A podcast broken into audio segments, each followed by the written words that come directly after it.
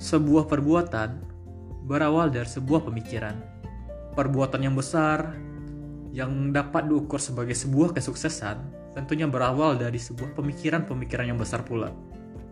Pemikiran tersebut akan berubah menjadi sebuah tekad, yang mana tekad tersebut akan menambah semangat kita dalam melakukan segala sesuatunya.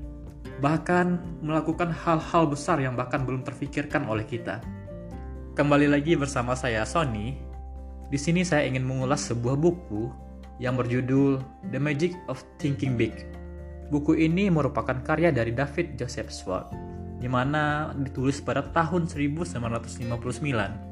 Walaupun bisa digolongkan sebagai sebuah buku klasik atau buku yang lumayan lama, namun pemikiran-pemikiran yang ada dalam buku ini masih relevan sampai saat sekarang ini. Berpikir besar itu bagaimana kita tidak membatasi diri kita untuk hal-hal yang mungkin saja terjadi di dalam kehidupan kita. Dan kebiasaan ini yang membedakan antara orang sukses dan tidak.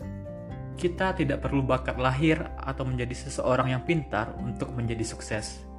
Tapi kita perlu belajar dan memahami kebiasaan berpikir kita dan berperilaku kita yang bisa membantu kita untuk meraih kesuksesan tersebut.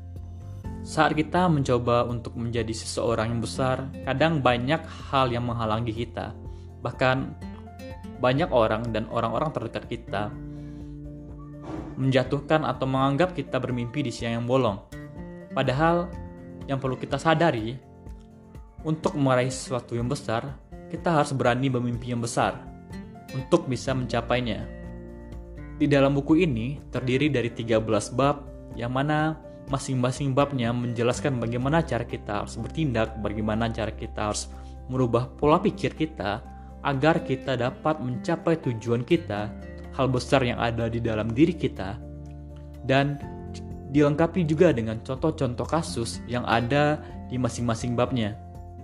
Untuk pembahasan per masing-masing babnya, saya akan membahas di beberapa episode selanjutnya. Pastikan teman-teman tetap mengikuti sambungan dari podcast ini. See you!